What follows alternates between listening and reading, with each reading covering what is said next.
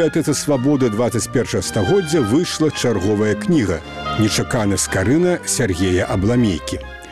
Кніга складаецца з культуралагічнага эсэ ў 25 частках і аўтарскіх інтэрв'ю з беларускімі і замежнымі навукоўцамі пра новыя знаходкі ў скараназнаўстве. Прэзентацыя кнігі адбудзецца 29 траўня 1830 у літаратурным музеі Масіма Богдановича, вуліца Масіма Богдановича 7А у Менску. Уваход вольны. Таксама кнігу можна замовіць праз наш сайт на адрасе свабода кропка орг. А зараз фрагменты кнігі. Чытае Сергей Абламейка.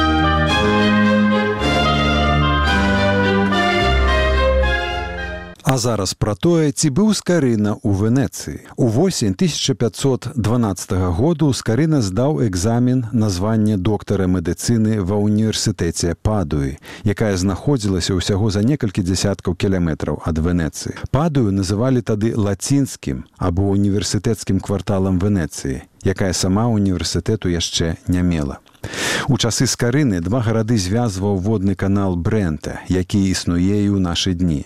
Дарога на лодцы паміж абодвума гарадамі займала ўсяго некалькі гадзін. Каб адказаць на пытанне, ці быў беларускі асветнік у Венецыі, нам трэба добра ўсвядоміць сабе сілу і моц тагачаснай еўрапейскай культуры, галоўным цэнтрам якой тады якраз і была Венецыя. Пасля вынаходніцтва кнігадрукавання адбыўся сапраўдны культурны выбух. Друкарня кнігарні ствараліся сотнямі па ўсім кантыненце. Выдаваліся не толькі царкоўныя кнігі, але і светецкія. Пачаліся пераклады антычных аўтараў. Сталі выходзіць лістоўкі, газеты, альманахі, брашуры, філязофскія трактаты, навукова-тэхнічныя працы, зборнікі сентэнцый, юрыдычная літаратура і нават кухарскія кнігі. Лідарам усяго гэтага працэсу была тагачасная венецыянская рэспубліка і яе сталіца Венецыя. У 1512 годзе, калі скарына прыехаў у Італію, у Венецыі паводле розных падлікаў працавала ад 70 до 150 друкарняў. А ўсяго ў Італіі тады было 500 друкарняў, а некаторыя навукоўцы сцвярджаюць, што нават 700. Галоўнай асаблівасцю Венецыі часоў скарыны была яе нацыянальная і рэлігійная талерантнасць, якая стала вынікам супраціўлення ўплывам Ватыкану. У Венецыі друкавалі кнігі на многіх мовах, уключаючы габрэйскую, армянскую, грэцкую і чэшскую. Няма сумневу, што менавіта ў Венецыі справа і лёс беларускага кнігадрукавання былі вырашаныя канчаткова. Там скарына задумаў пераклад і выданне бібліі, а таксама іншых карысных для паўсядзённага жыцця кніг. І тым самым вывеў наш народ у культурныя лідары сярод усходніх славян і наогул нашай часткі еўрапейскага кантыненту. Таму адказ на пытанне, ці быў скарына ў Венецыі гучыць так. У той час пабываць у па падуі і не пабываць у Венецыі было немагчыма. Скарына не мог там не быць.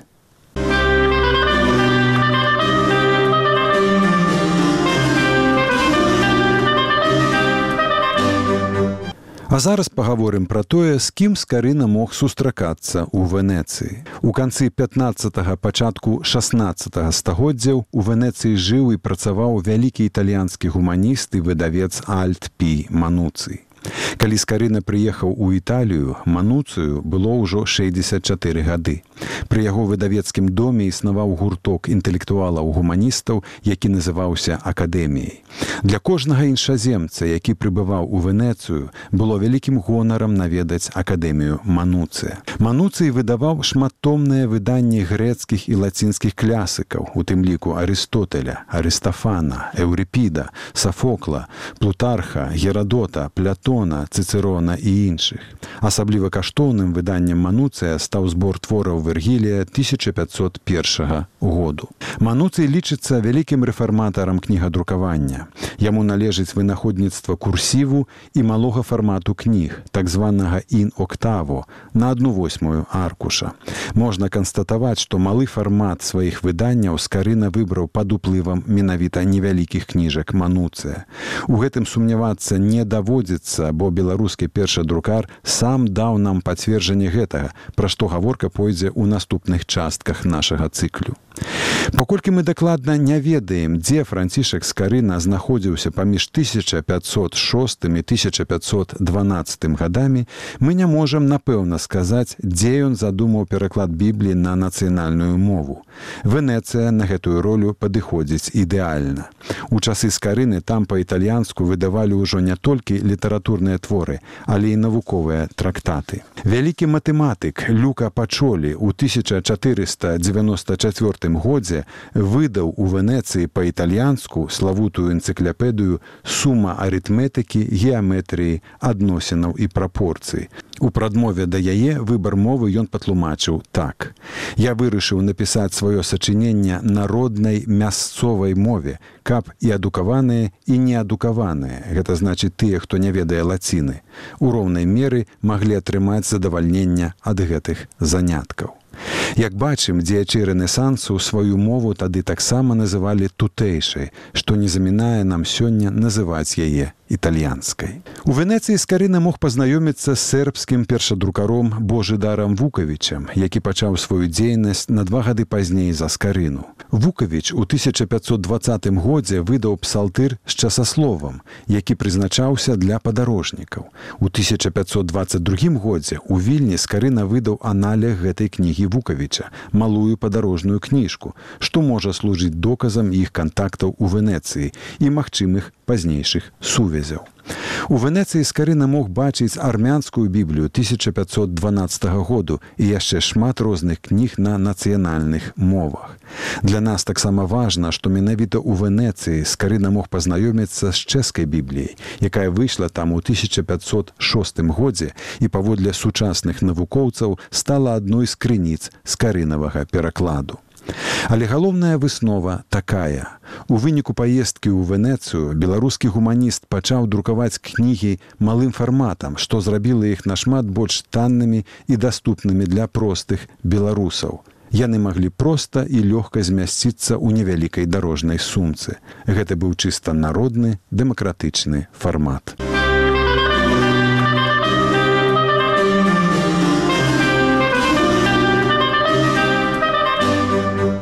А зараз паговорым пра тое, чым загадкавая доктарская абарона скарыны ў падуе.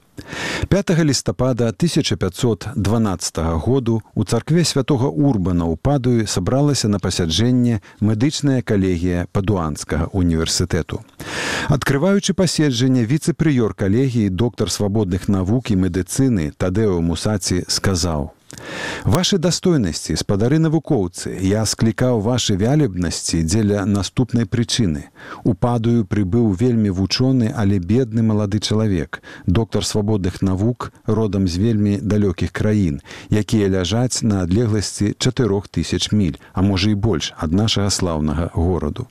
Прыбыў малады чалавек для таго, каб памножыць славу і бляск падуі, а таксама квітнеючага сходу філёзафаў універсітэту і наша нашай святой калегіі. Ён просіць калегію на знак асаблівай міласці дазволіць яму прайсці выпрабаванні ў галіне медыцыны. Калі дазволяць вашы вялібнасці, я прадстаўляю вам гэтага маладога чалавека. Завуць яго францішак, ён сын нябожчыка лукі скарыны з полацку, русін. Канец цытаты. Калегія, як вядома, дазволіла і назаўтра 6 лістапада скарына здаў доктарскі экзамен. Пасля быў яшчэ больш цырыманіяльны экзамен 9 лістапада ў біскупскім палацы падуі, на якім скарыну і была нададзеная годнасць доктара медыцыны. Вось тут і пачынаюцца загадкі. Паводле статуту падуанскага універсітэту дактарантура доўжылася чатыры гады. Да экзаменаў названня доктара медыцыны дапускалі толькі прэтэндэнта, які тры гады слухаў лекцыі, а пасля яшчэ не менш за год практыкаваў пад кіраўніцтвам вядомага лекара ў шпіталях падуі. Чаму скарыну дапусцілі да абароны без навучання ў дактарантуры? Можна меркаваць, што гэтую асаблівую ласку яму аказалі як сакратару караля Даніі. Але калі ён быў сакратаром караля, то чаму яго назвалі бедным і чаму сказалі, што ён прыбыў з вельмі далёкіх краін, якія ляжаць на адлегласці 4000 міль ад падуі. Але гэтымі пытаннямі загадкі падуанскай абароны з карыны не вычэрпваюцца. Даследаванні беларуская гісторыка ольгі шутавай у апошнія гады дазволілі з аднаго боку удакладніць дэталі і ход доктарская экзамену беларуская першадрукара, а з іншага выявілі і новыя загадкі. Вольга шутава наноў вывучыла і прааналізавала дакументы падуанскага універсітэту, звязаныя з абаронай з карыны. Аказалася, што экзамен славутага палачаніна не быў асаблівым ці надзвычайным, як лічылася раней. Памылка была звязаная з недакладным прачытаннем лацінскіх тэкстаў і няведаннем універсітэцкіх рэаліяў рэнесанснай Еўропы. Аказалася, што доктарскіх абаронаў у падуанскім універсітэце ў 1512 годзе было не менш за 12. І ўсе яны праходзілі паводле той самай схемы, характэрнай для доктарскіх экзаменаў ва ўніверсітэтах усёй тагачаснай Еўропы. Этапаў абароны было тры: прашэнне аб міласці, грацыя, пробны экзамен тэнтацівум і асабісты экзамен прыватум. Вось іх скарына і здаў 5, 6 і 9 лістапада 1512 году. На апошнім экзамене прыватум у біскупскім палацы яму былі ўручаныя знакі доктарскай годнасці, так званыя інсігнія. Таксама ольга шутава высветліла, што ў склад камісіі, якая прысутнічала на ўсіх этапах абароны з карыны уваходзілі прынамсі 33 чалавекі.